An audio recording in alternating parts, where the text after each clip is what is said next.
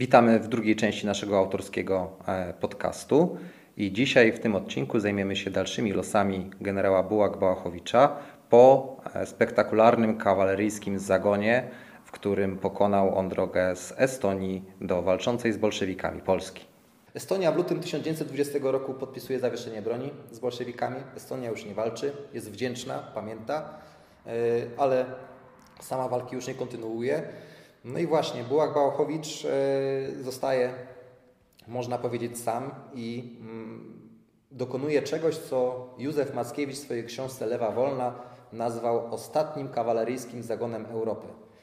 Bo on z Estonii, mm, z około 800 ludźmi, przebija się wielkim kawaleryjskim rajdem e, aż do Dyneburga.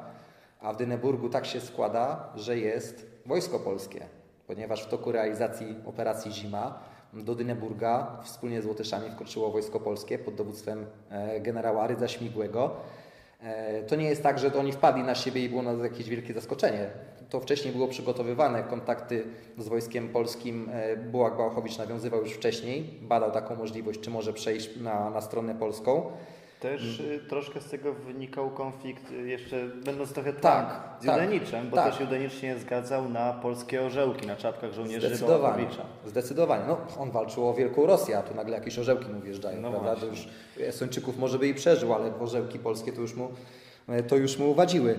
I jest taki fajny opis mm, z lutego właśnie 1920 roku kapitana Aleksandra Myszkowskiego, który widział na własne oczy E, i wojsko Bułak-Bałachowicza i miał okazję sam poznać Bułak-Bałachowicza i zdał z tego relację do Naczelnego Dowództwa Wojska Polskiego i pisze o Bułak-Bałachowiczu w ten sposób.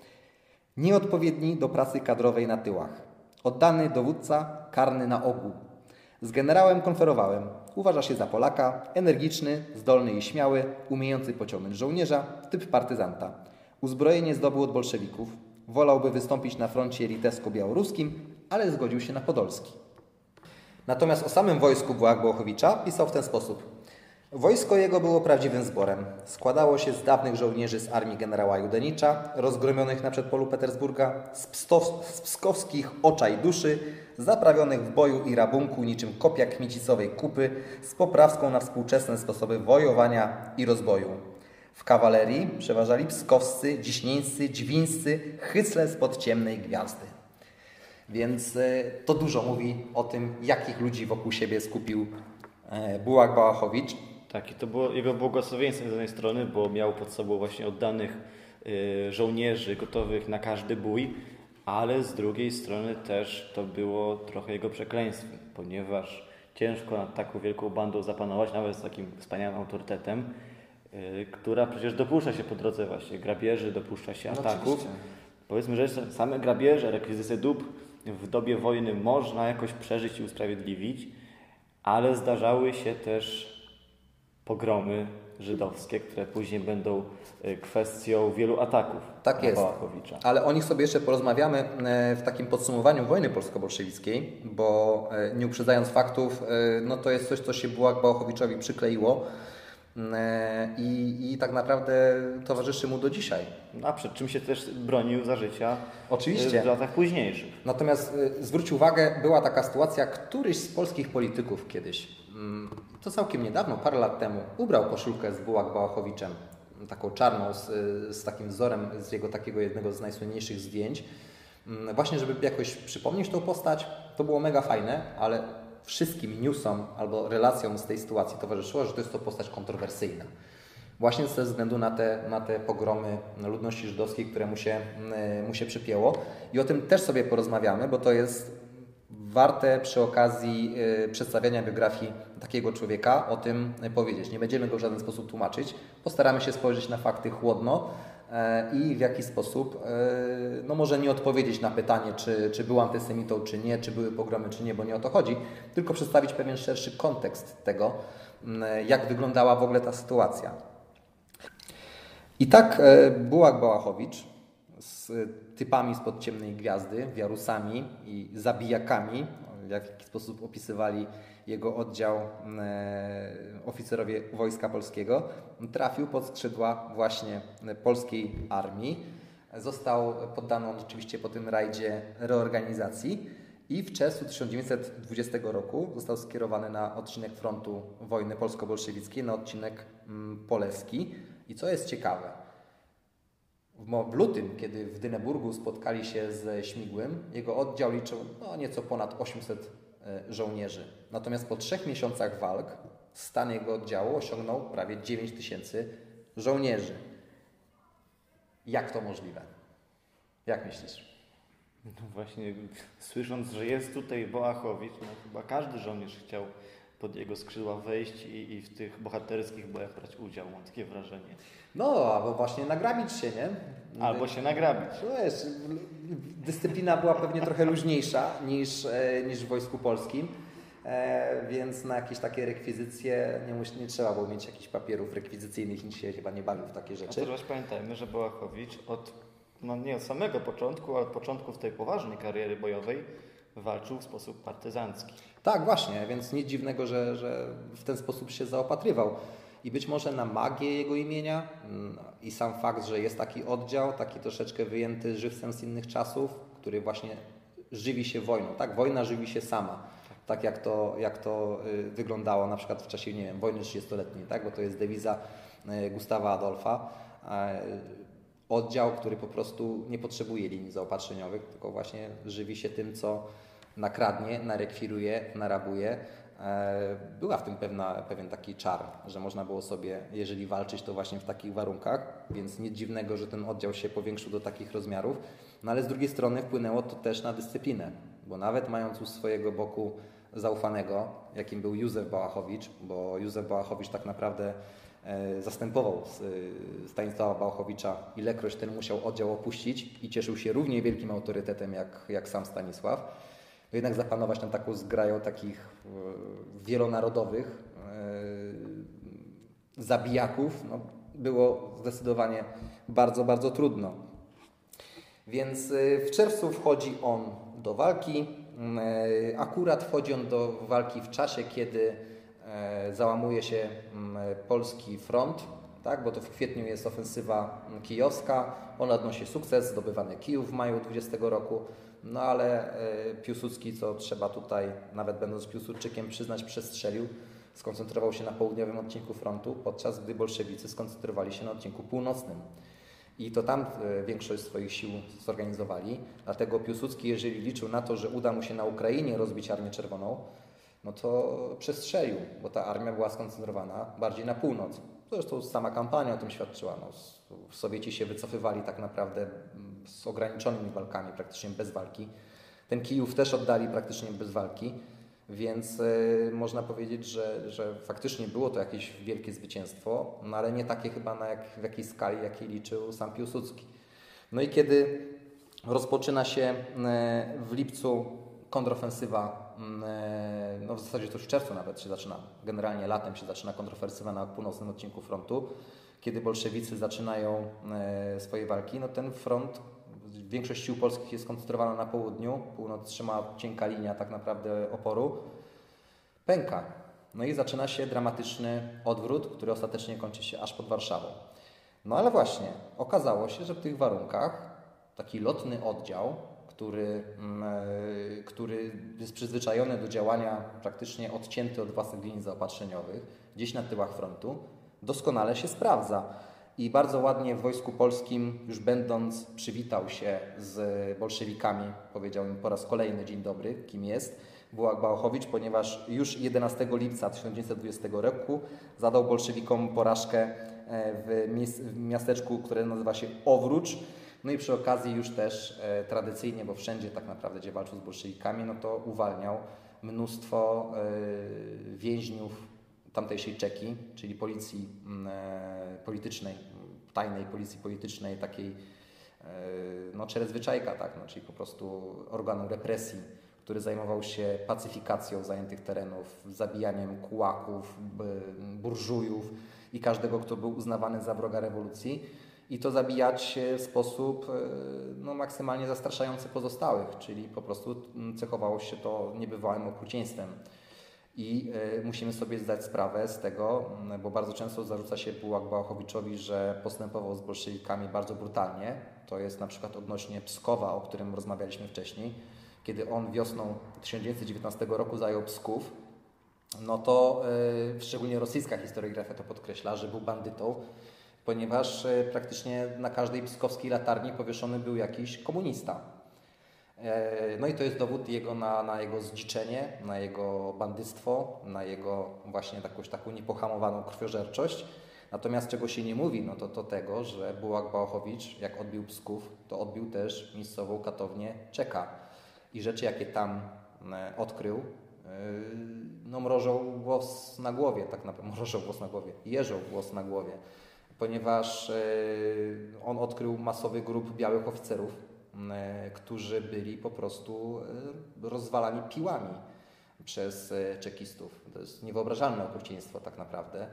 I, na fali takiego, takiego mm, oburzenia, to jest za małe słowo, gniewu, nienawiści do bolszewików za te zbrodnie, jakie się dopuszczali, no Bułak Bałachowicz po prostu przyzwolił na to samo. E, czyli czekistów, komunistów, komunistycznych agitatorów, przedstawicieli jakichś lokalnych rewkomów i tak dalej, bez sądu. No, sądy jakieś ograniczone tam były, ale wyrok był raczej wiadomy, jaki zostanie wydany. Byli po prostu e, zabijani. I to cechowało jego oddział. E, nie trzeba było, podejrzewam, takich wiarusów namawiać do tego, żeby, żeby zabijali bolszewików poza walką. E, charakteryzował się tym, że był dla bolszewików absolutnie bezlitosny. I to też jest czynnik tego, że on takiej wojny nauczył się będąc u Punina, no bo Punin walczył dokładnie tak samo, tylko z Niemcami. Po prostu bezlitosna, krwawa, Mało było tam romantyzmu, takiego Sienkiewicz-czaskiego tak naprawdę, yy, tylko po prostu krwawa jadka, tak bym to nazwał, bez pardonu dla, dla jeńców. Można mu to traktować jako zarzut, nie przeczę, natomiast trzeba znać kontekst. To nie jest tak, że e, regularne, doskonale zdyscyplinowane wojska bolszewickie trafiły na polskiego diabła, e, który ich zabijał i mordował bez wyraźnej przyczyny Mm, tylko to był wet za wet. On odpowiadał pięknym za nadobne, więc y, trzeba mieć po prostu to na uwadze. Y, tak, ale właśnie tak jak mówiłeś, że jego oddział lotny był dzięki temu mógł przyjść w ciężkich warunkach, był bardzo mobilny i to jest z jednej strony właśnie plus, ale minus też jest taki, że tak mówiliśmy o jego grabieżach, no nie mógł tego kontrolować. Mamy no miał trudności w, w kontroli tego. W październiku 1920 roku, pamiętam, yy, nawet wtedy musiał wydać rozkaz taki przywołując do porządku, ponieważ kilka dni przed jego przybyciem przybyli jego ludzie do wsi, nie pamiętam już jakiej, czy do miasteczka, no i tam zrobili pogrom żydowski. Mówisz o, o tym kamieńcu koszyrskim chyba, tak? To się tak Możliwe. W każdym razie właśnie tam dotarły najpierw jego oddziały czołowe, przy których nie mhm. był. Y, urządziły właśnie rzeź, pogrom żydowski, przy okazji nagrabiły się. I kiedy przybył Bałachowicz i chciał już sądzić tych oficerów, którzy byli za to odpowiedzialni, no to oni w dużej części uciekli. I między innymi uciekł jeden oficer pochodzenia niemieckiego, który uciekł do Niemiec i już później, niewiele lat później, kiedy do władzy dochodzi Hitler, jest właśnie y, trzecia Rzesza u władzy, to on właśnie wygłasza w radiu niemieckim y, antybełachowiczowską propagandę. Właśnie przypomina Rzeski Bałachowicz, bandyta i właśnie tak, to, to są Polacy, dzikusy, które takie wojny prowadzą. Mhm.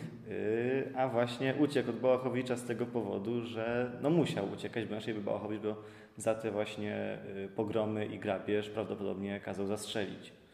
Tak, no bo Bałachowicz, y, można powiedzieć, nie, nie cyrtolił się w tańcu, jakbym to nazwał E, ponieważ u niego była krótka piłka. Jeżeli był złamany rozkaz, jeżeli e, ktoś dopuścił się właśnie jakiegoś rodzaju zbrodni na ludności miejscowej, na której na terenie oddział stacjonował, był po prostu przez niego osobiście rozstrzeliwany. To jak w grze o tron, Ed Stark tak naprawdę, nie? On też osobiście zabijał. Bałachowicz też się nie wyręczał plutonem egzekucyjnym, po prostu ze, swoim, ze swojego nagana takich ludzi zabijał. E, bardzo prostej przyczyny. Jeżeli oddział stacjonuje na danym terytorium, jego oddział o takiej specyfice, który walczy w sposób partyzancki, no to nie może grabić tej ludności i, i mordować jej i gwałcić, bo straci jej przychylność. A jak oddział partyzancki traci przychylność ludności lokalnej, no to ginie, tak? Bo ona zaczyna współpracować z siłami, które ten oddział partyzancki zwalczają. Więc była cienka granica, na której Bałachowicz próbował balansować, na zasadzie takiej, żeby jednocześnie wyżywić swój oddział, ale z drugiej strony nie zostawić po sobie tak spalonej ziemi, żeby mieć do czego wrócić ewentualnie, tak? Albo, albo żeby po prostu ten e, ludność, którą on zostawi za swoimi plecami, żeby nie współpracowała z, ze przeciwnikiem w momencie, kiedy ten przeciwnik nadejdzie, bo będzie po prostu miała go tak serdecznie dość. Więc to jest dosyć istotne. A z drugiej strony, bo są trzy podstawowe zarzuty, jeżeli chodzi o pogromy tej ludności żydowskiej, jeśli chodzi o bułach Bałachowicza. To jest Kamień Koszyrski w sierpniu 1920 roku, to jest Włodawa i to jest Pińsk. Tam rzekomo, e, no może nie rzekomo, bo do tych pogromów doszło, to trzeba sobie powiedzieć. Natomiast e, kwestia jest, znowu, tak jak podkreślam, szerszego kontekstu. Powiedzieliśmy już o tym, jakiego rodzaju oddziałem dowodził Bołachowicz. Powiedzieliśmy sobie, jakiego, e, jakiego rodzaju była to wojna. Tak? Była to wojna wet za wet. Opłacanie piękne za dobre. Zbrodnie bolszewickie były spłacane zbrodniami polskimi z drugiej strony. Trzeba sobie to powiedzieć otwarcie. Nikt, e, nikt nie, nie bawił białorycerzy. Może później taki obraz powstał, ale faktem jest, że współpracowników, nie wiem, Czerwonej, Czerwoną Gwardię, czyli na przykład miejscowych e, mieszkańców wsi, którzy w momencie, kiedy przeszło Wojsko Polskie, zakładali czerwone opaski, powoływali rewkom i mordowali okolicznych szlachciców, albo burżujów, albo właśnie kogo sobie uznali za wroga. Jeżeli wojsko polskie w ten teren wróciło, oni byli mordowani. Nie było jakiejś nie wiem, zabawy na zasadzie mm, obrońców, sądów i tak. Był sąd wojskowy, potwierdzona jest relacja, że współdziałał jako w grupie dywersyjnej, był rozstrzeliwany, był wieszany. No i Błachowicz działał w podobny sposób, tylko no, z trochę większym natężeniem. Ale wracając do naszych, e, do naszych, do naszych pogromów. No nie uciekniemy od tego. Ja jestem wielkim przeciwnikiem mitu Żydo-komuny, bo sam swego czasu pisałem takie opracowanie o, o 68 roku, w którym mm, wydaje mi się, że, że wykazałem tak naprawdę, że Żydo-komuna jako mit, który się utrwalił gdzieś w polskiej mentalności jest pewnego rodzaju, nie wiem, wymysłem tak naprawdę. No bo nawet jeżeli faktycznie uznamy za fakt, że ludność żydowska była nadreprezentowana w strukturach komunistycznych, na przykład bezpieki, tak, czeka, to z drugiej strony w stosunku do całości ludności żydowskiej, która zamieszkiwała dany teren, no, w tym przypadku Kresy Wschodnie, no to i tak to była mniejszość. Wychodzi z tego na to, że większość Żydów na tamtym terenie nie współpracowała z, z, z, z bolszewikami, z Czeka i tak dalej. Natomiast z racji tego, że byli oni nadreprezentowani w stosunku do innych narodowości w samych tych organach, utrwalił się mit taki, że wszyscy Żydzi współpracują. No i w tym upatrywałbym pokłosia, e, tych, znaczy w sensie przyczyn tych, e, tych pogromów. Jeżeli e, będąc dowódcą jakiegoś oddziału spotkało się jednego żydowskiego agitatora, jakiegoś pochodzenia żydowskiego oficera Czek, no nie oficera, bo nie mieli oficerów, funkcjonariusza Czeki i gdzieś jakiś trafiało się na tych, na tych Żydów dosyć często, no to w momencie, kiedy się wchodzi do miejscowości, gdzie ta ludność żydowska jest dosyć dużo reprezentowana, no to jak gdyby z automatu przyjmuje się na zasadzie, że no, trafiliśmy, to są kolaboranci, prawda? Co też y, no, są potwierdzone na to dowody, że ludność żydowska wobec y, armii bolszewickiej zachowywała się w sposób przychylny. Tak? Ona nie, nie, nie była zachwycona tym, że na tych terenach powstaje wojsko polskie, ale też nie w całości, nie wszyscy Żydzi. Tak? To, że byli tacy Żydzi nie oznacza, że byli to Żydzi wszyscy. Bo też wiemy o tym, że u samego Bołachowicza służyło kilku Żydów i do także właśnie, oficerów. Właśnie, do tego zmierzam, że nie była to formacja antysemicka w założeniu, tak? Nie było jednym z celów Bałachowicza, nie było mordowaniem Żydów, tylko te, te pogromy w tych miejscowościach wynikały no, ze specyfiki, tak jak powiedziałem, specyfiki wojny, specyfiki sytuacji ludności żydowskiej w tamtej okolicy. I, i, I tutaj bym tego upatrywał. No bo tam jest, e, później jak zarzucano było Bachowiczowi, to, są, e, to, to, to, to jest kilkudziesięciu do kilkuset tak naprawdę, e, jeśli chodzi o ofiary takich pogromów. No i zarzucano mu, że on te pogromy w jakiś sposób inspirował, wspierał, nie wiadomo. I są rozkazy, mm, e, które jasno określają w Pińsku, po zajęciu Pińska przez Bułak Bałachowicza, o czym będziemy sobie też jeszcze mówić, kiedy on te grabieże wstrzymywał, tak? On, e, w jaki, on e, zagroził, że wszyscy odpowiedzialni za pogromy zostaną pociągnięci do odpowiedzialności za to. No ale to widać jest niewystarczające. Mm, jakaś okoliczność łagodząca. E, sam później proces, o tym sobie będziemy mówić jeszcze pewnie w drugiej części, mm, e, jeśli chodzi o Bułak Bałachowicza, Sosnkowski, kiedy rozpatrywał tą sprawę, on stwierdził, że są podstawy do tego, żeby Bułak Bałachowiczowi wytoczyć w tej sprawie proces. No ale proces to jeszcze nie jest dowód winy, prawda? Być może chcieli to rozstrzygnąć właśnie na zasadzie procesu, no ale tak naprawdę do żadnego procesu nie doszło później. E, pozostało, skończyło się na kalumniach i oskarżeniach i przypięcia łatki antysemity. Moim zdaniem zupełnie niesprawiedliwie, bo tak jak powiedziałem, to nie był oddział w założeniu walczący z Żydami, tylko walczący no właśnie ze swoją wizją Żydokomuny, jaką sobie przyjął. Ale ta wizja to nie jest charakterystyczna tylko dla tego oddziału, tylko dla pewnego szerszego spektrum polskiego społeczeństwa. No tak widziano wówczas stosunki polsko-żydowskie, że Żyd kto wie, czy nie komunista? Może w ten sposób patrzono na to. No i tak samo patrzyli żołnierze Bułak Bałachowicza. Więc y, musimy, sobie to, musimy sobie to powiedzieć. Nie, nie, nie tłumaczymy, nie kwestionujemy, że do tych, y, do tych y, pogromów doszło, ale nie wynika to z wrodzonego polskiego antysemityzmu, który Bułak Bałachowicz obok Sienkiewicza wypił z drugiej piersi matki, tylko właśnie z tej sytuacji. Więc y, wrócimy sobie do tego tematu jeszcze przy okazji samych procesów, oskarżeń, bo to też jest e, ciekawe zagadnienie. Kto oskarżał o antysemityzm Bałachowicza, e, w jakich e, realiach, w jakich czasach. To jest kwestia do, do, do, do pociągnięcia sobie jeszcze później. Tymczasem wróćmy na sytuację na froncie. Tak jak powiedziałem, taki oddział okazał się bardzo cenny.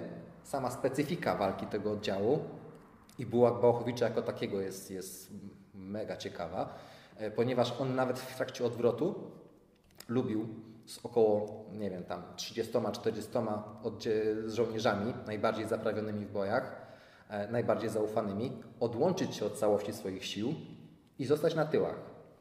Że jak bolszewicy przeszli, ścigając to, co uważali za całość grupy Bułak Bałachowicza, no to on wtedy atakował ich od tyłu i zazwyczaj ich gromił straszliwie. I w ten sposób Bułak Bałachowicz mścił się nawet na, za takie porażki taktyczne, kiedy została jego grupa zmuszona do odwrotu, nie utrzymała jakiejś pozycji, bo napór bolszewików był zbyt duży.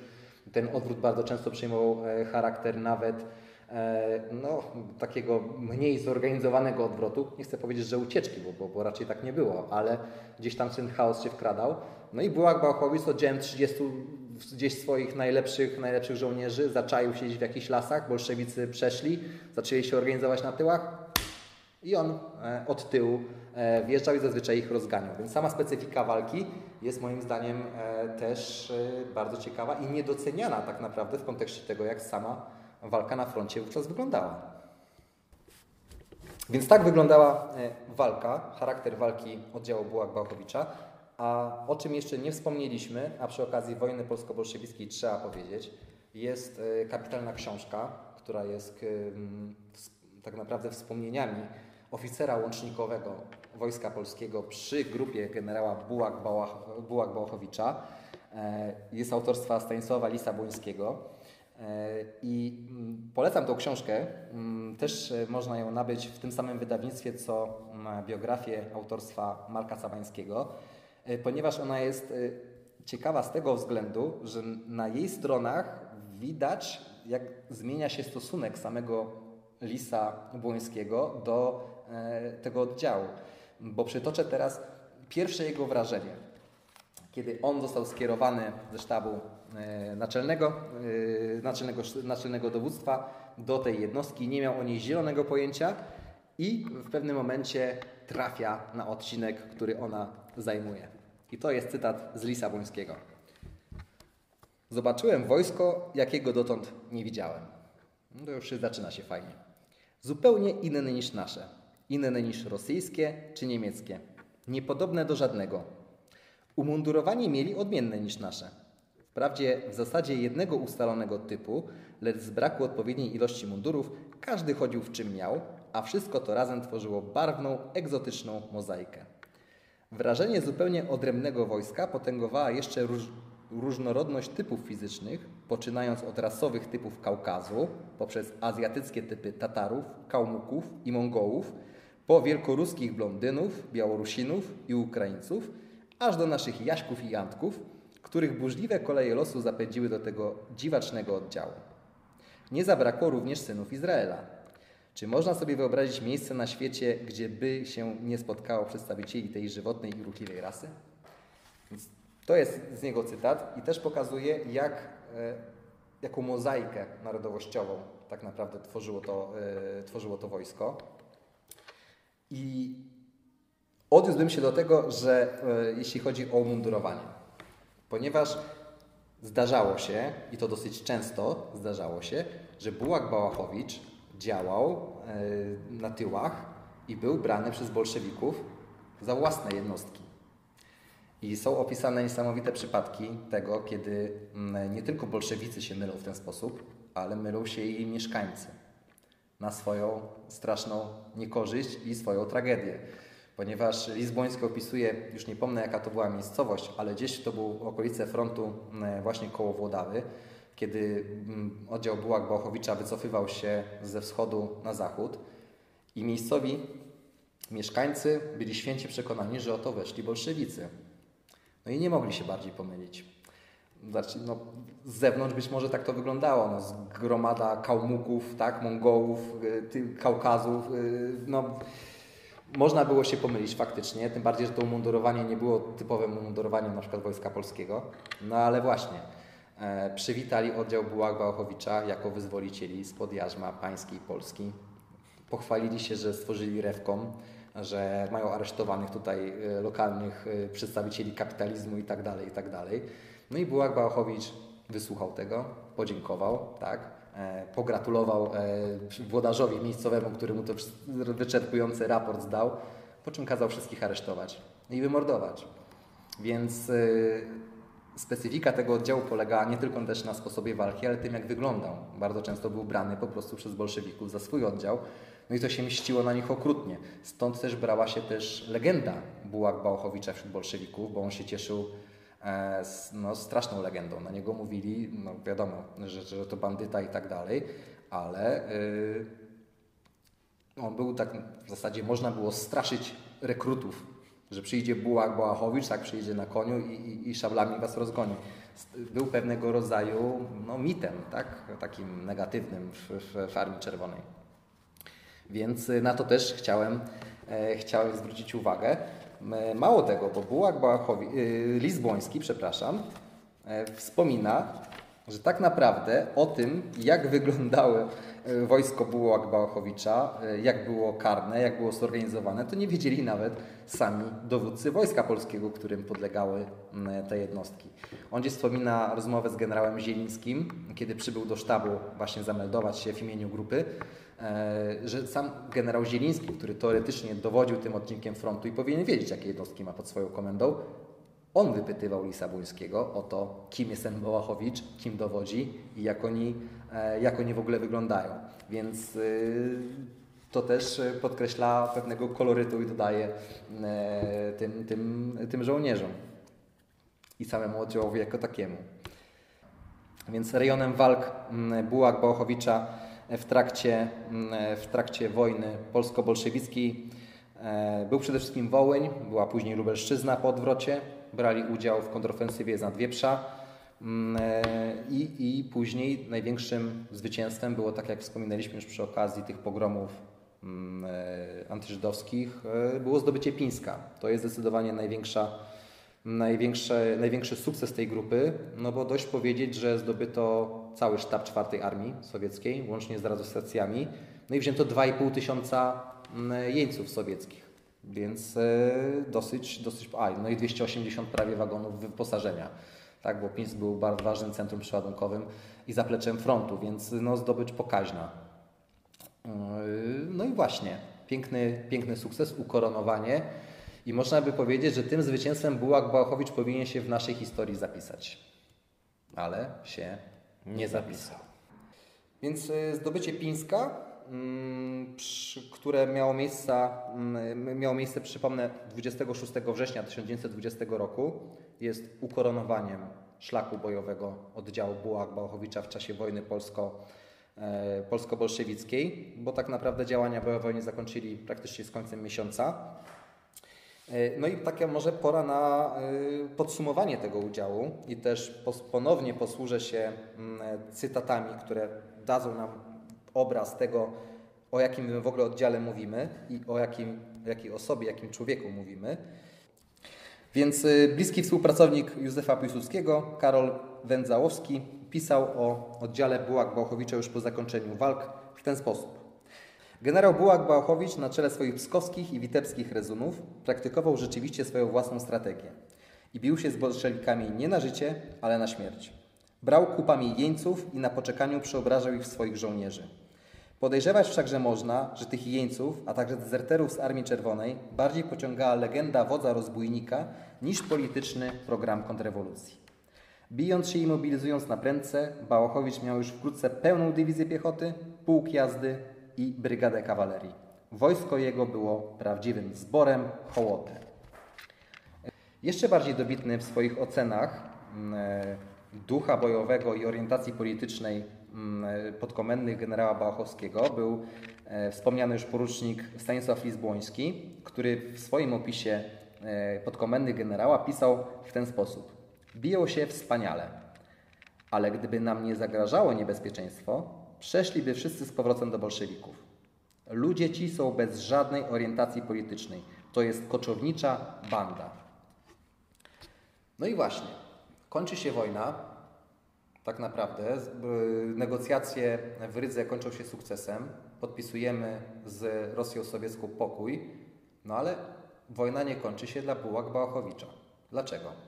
No bo właśnie zostaje w tym momencie rozwiązanego jednostka mhm. i wymagane jest, aby został odesłany do Rosji pod sąd rosyjski. Sowiecki oczywiście, chodzi o Rosję sowiecką, ponieważ nie tworzył stricte polskiego oddziału, ale tworzył oddział sprzymierzony. Właśnie, to jest, e, to jest klucz. Jesienią 1920 roku oddział Bułak-Bałchowicza został uznany za oddział sprzymierzony z wojskiem polskim.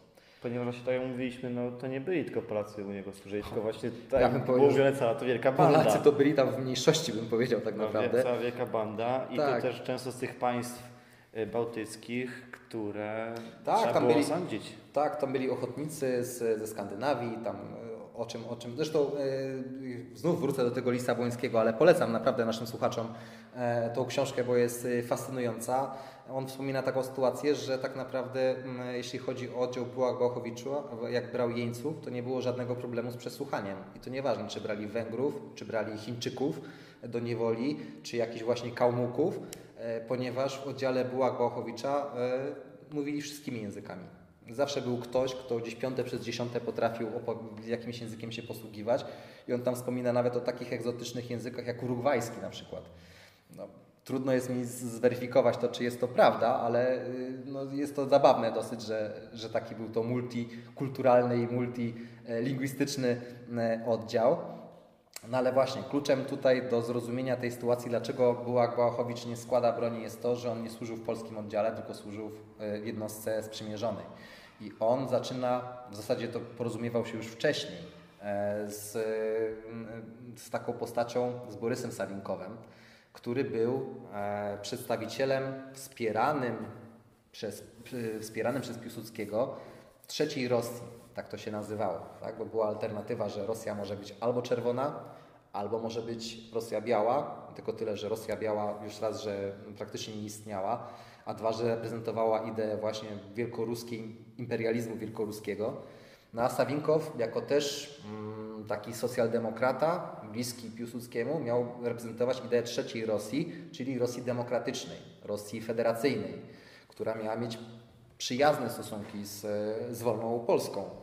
No i Bułak Bałachowicz pod y, szyldem politycznym Sawinkowa y, swój oddział, można powiedzieć, że wskrzesza, powiększa y, i jesienią, późną jesienią 1920 roku na jego czele rusza z taką rozpaczliwą, można powiedzieć, pozbawioną nadziei na sukces, wyprawą przeciwko bolszewikom.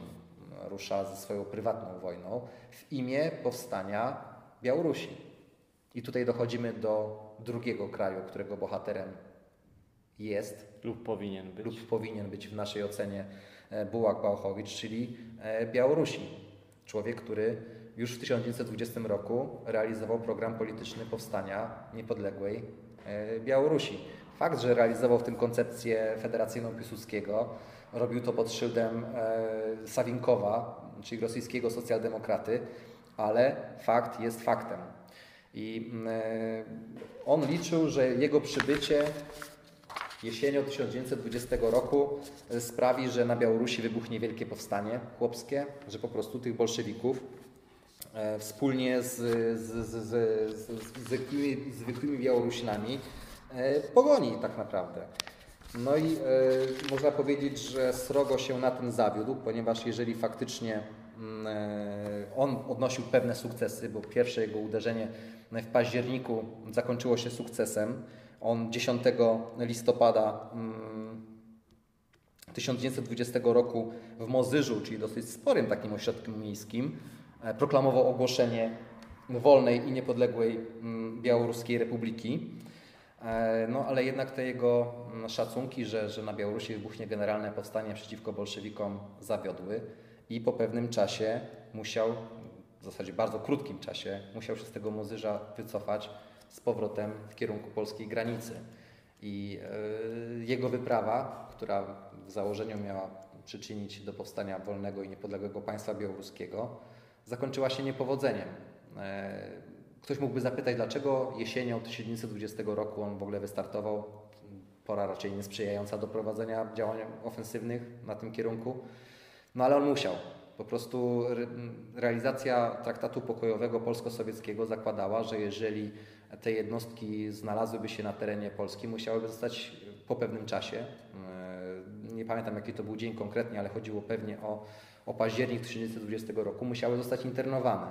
I tak jak Ty powiedziałeś, jeżeli zostałyby internowane jako jednostki sprzymierzone, e, no Sowieci mieliby podstawę do tego, żeby domagać się ich ekstradycji, no bo to w większości byli przedstawiciele narodów, którzy, których teraz znalazły się pod jarzmem sowieckim.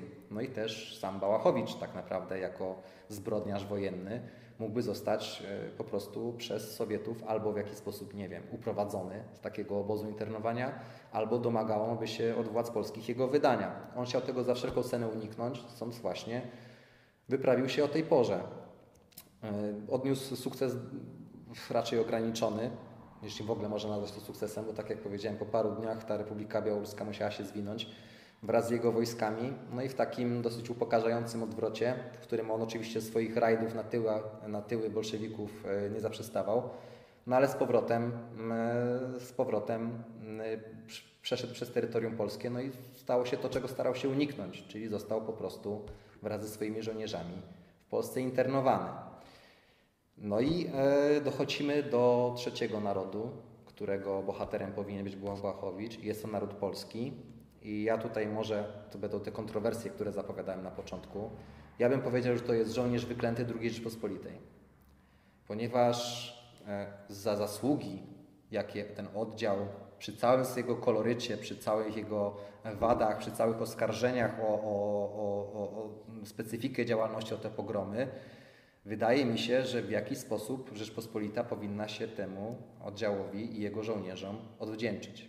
No, wkład w zwycięstwo był niemały. Zdobycie tego Pińska, e, zdobycie sztabu czwartej, czwartej armii, e, naprawdę ratowanie w pewnych momentach lokalnie frontu, kiedy, kiedy trwała ofensywa bolszewicka i, i my cofaliśmy się w kierunku Wisły, no nie do przecenienia. I to podkreślają sami polscy dowódcy. No ale z, jednej, ale z drugiej strony, raz, że Bułak Bałachowiczowi nie zweryfikowano stopnia w wojsku polskim, teoretycznie nie był on żołnierzem Wojska Polskiego. No bo właściwie wszystkie awanse on miał w tak, w różnych armiach. W różnych armiach, zgadza się, ale nie, nie przyjęto go może w ten sposób, nie przyjęto go do Wojska Polskiego i nie zweryfikowano stopnia. Więc y, duży afront.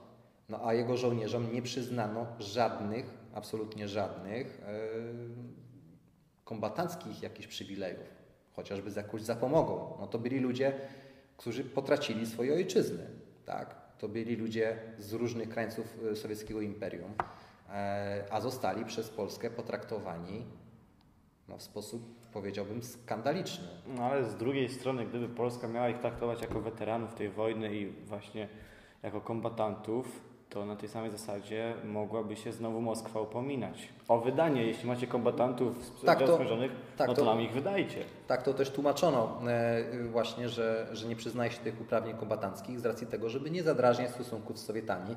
Pokój był świeży, nie należało prowokować. trzeba było pracować nad jego utrwaleniem, a nie jego podkopywaniem. Więc zgadza się. Natomiast powiem Ci, że tych uprawnień kombatanckich nie przyznano im przez cały okres trwania II Rzeczypospolitej, nie tylko w latach dwudziestych. Nie naprawiono tego błędu. Więc mit trwał gdzieś na, na Kresach Wschodnich, gdzie, gdzie, gdzie ci Bołachowcy zostali zapamiętani i sama postać generała Bułak Błachowicza została zapamiętana. Natomiast y, Polska wdzięczności im nie okazała. I jest to dosyć smutne. I, i, i tak jak powiedziałem na początku, e, już za życia można powiedzieć, że postać generała Bułak Błachowicza była dewaluowana, jego zasługi były podważane, a i sami żołnierze byli od, y, osądzani od czci i wiary.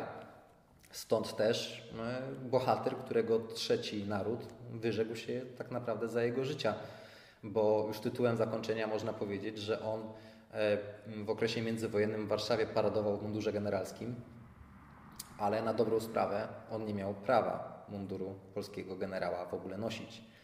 I, e, i to jest symboliczne. I moim zdaniem jest to takie podsumowanie, smutne i gorzkie podsumowanie samej koncepcji idei federacyjnej. Tak? Nawet kiedy udało nam się w jakiś sposób zmobilizować do tej idei e, sojuszników, tak? Już nie, nie, mówię o samym Błachowiczu, ale chociażby nawet o jego oficerach, o jego żołnierzach. To byli Rosjanie, to byli Białorusini, e, to byli właśnie, nie wiem, z państw bałtyckich, tak? Oni mieli okazję tak naprawdę przekonać się na własnej skórze, że sama Polska idei federacyjnych nie traktuje poważnie.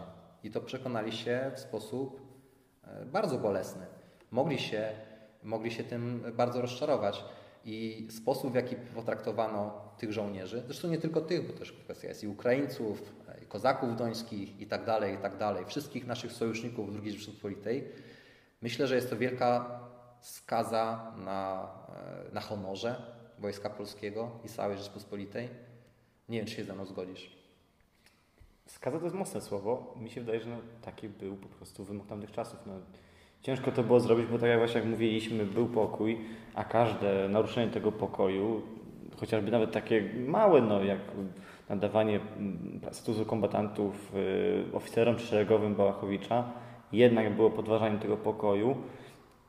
I być może nawet to była trochę przysługa, bo tak jak mówiłem, gdyby uznanych za kombatantów, to by uznano że Polska trzyma nielegalnych, że tak powiem, kombatantów na swoim terytorium i być może w tym momencie Moskwa miałaby mia e, prawo upomnieć się o nich, a w ten sposób oni pozostawali takimi, powiedzmy, szarymi obywatelami, którymi nie interesowała się Moskwa. No, interesować to się interesowało, o tym powie, powiemy sobie jeszcze pewnie w drugiej części, natomiast nie uważasz, że y, trochę zabawne jest sposób, w jaki my honorowo trzymamy się e, warunków podpisania tego pokoju, no, biorąc pod uwagę, w jaki sposób sama Rosja sowiecka traktowała ten pokój. Polska była młodym państwem. No Polska no nie no była Sowieci potęgą. Też.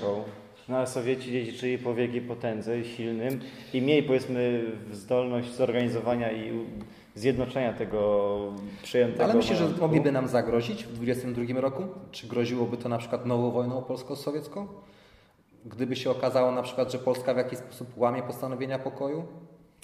Po stronie Polski zapewne by stanęła Liga Narodów, chociaż no nie wiem, może, też, może ich też by poruszyły się... argumenty prawne, które by towarzyszyły. Moskwie, ale no myślę, że Niemcy byłyby może interesowane tym. Zwłaszcza, że no. przecież y, w tym samym momencie mamy walki y, o Śląsk, czyli będzie Śląsk i może dla Niemiec to byłoby szansa, żeby ten Śląsk przyjąć, a jeszcze Wielkopolska, jeszcze może inne ziemie. No właśnie, to jest... Tutaj można bardzo dużo, myślę, No to jest takie, to takie ideologia. No mi się wydaje, że bolszewicy sami z siebie atakować nas, no nie wiem, do 26 mniej więcej, do połowy lat 20 nie byli w stanie. Musieli się ogarnąć po przegranej wojnie, musieli wytłumić powstania chłopskie, jakie mieli u siebie, e, musieli się zreorganizować, no bo oni dostali straszliwe bęcki. Tak? no, mówimy... to wojna by się zaczęła, nawet gdyby nie od razu w 22, no to w 32 powiedzmy. Y, Rosja upomina się, Rosja sowiecka oczywiście upomina się o traktowanie ty, tego pokoju. Nie, nie, ja nie, twierdzę, ja nie twierdzę, że akurat to, to był może dobry pretekst, ale nie twierdzę, że akurat ta decyzja by spowodowała takie zaostrzenie, że doszłoby do wojny. To byłby na pewno element jakiejś szerszej strategii e, doprowadzenia do wojny z Polską. przez gospodarzy Kremla, ale nie twierdzę, że, że nie wiem, przyznajemy status kombatancki Bułak Błachowiczowi i jego żołnierzom i Moskwa jest tak oburzona, że rzuca wszystko, rzuca te niedobitki białych gdzieś tam, wiesz, w Azji, rzuca powstania chłopskie i hura, dawaj znowu na Warszawę, bo Bułak Błachowicz został kombatantem. Nie, to, to faktycznie, to, to, Wydaje to brzmi mi się śmiesznie. To brzmi trochę śmiesznie, natomiast bardziej śmiesznie brzmi to, że Rosja sowiecka, która nigdy z tych zobowiązań traktatowych się nie wywiązała. Przypomnę, że oni mieli nam wypłacić gigantyczne odszkodowanie w rublach, w złocie. Oni mieli nam oddać zrabowane dobra kultury. Nie zrobili tego. A my chcieliśmy być tak tradycyjnie dla nas święci od papieża i, i, i, i niczym nie uchybić, broń Boże, tutaj Sowietom, żeby sobie nie pomyśleli nawet, że nam chodzi po głowie w jakiś sposób podważenie tego traktatu. Piję tylko do tego. Ja, ja, wydaje mi się, że jest to po prostu olbrzymia niewdzięczność i na długie lata, kto wie, czy nie nawet teraz, do teraz, nie przekreśliło to i nie zatruło w pewnym sensie po drugiej stronie najpierw Zbrucza, później Idźwiny, potem Bugu, takiego poczucia, że no może jednak nie warto stawiać na Polaków. Zobaczcie, tylu postawiło na Polaków z Błach-Błachowiczem, mieli być sprzymierzeńcami, mieli, mieli walczyć o niepodległą Białoruś, Ukrainę, a nagle co? Wychodzi Piłsudski i mówi, że przepraszam panowie, nie tak miało wyjść. No, no nie tak miało wyjść, no ale to przepraszam chyba nie wystarczy, nie? A to się jeszcze robi dodatkowo ciekawe, kiedy będziemy mówić o tym jeszcze w przyszłości, że Bałachowicz później zostaje przecież Piłsudczykiem. Jest tak, zwolennikiem to jest, Piłsudskiego. i, to jest, I to jest szalenie ciekawe i, i wydaje mi się, że zapowiedział właśnie tego, jak to się stało, że człowiek teoretycznie przez Piłsudskiego może, może nie zdradzony, ale właśnie Mógł czuć się zdradzony. Mógł czuć się w pewnym sensie zdradzony i trochę taki lekceważony, bo Piłsudski, Piłsudskiego stosunek do Bułak Bałachowicza powagą się nie, nie, nie charakteryzował. On go traktował z przymrużeniem oka właśnie jako taką postać romantyczną, takiego, takiego wataszki Sienkiewicz, Sienkiego, Sienkiego Sienkiewiczowskiego. Tak, takiego wataszki rodem z Sienkiewicza. Bardziej stawiał tutaj na Borysa Sawinkowa, z nim wiązał nadzieje polityczne, a Bułak Bałachowicz miał być tylko emanacją militarną tego. A gdyby na przykład postawił na Bułak Bałachowicza z pominięciem tego Sawinkowa, może by to wyglądało inaczej. Trudno powiedzieć, ale przejdziemy sobie właśnie do tego, jak to się stało, że człowiek, który miał wszelkie postawy do tego, żeby czuć się przez Piłsudskiego w pewien jakiś sposób zdradzony, w przyszłości tym Piłsudczykiem został i to takim na zabój. W tym momencie zakończymy sobie naszą historię generała Bułak-Bałachowicza.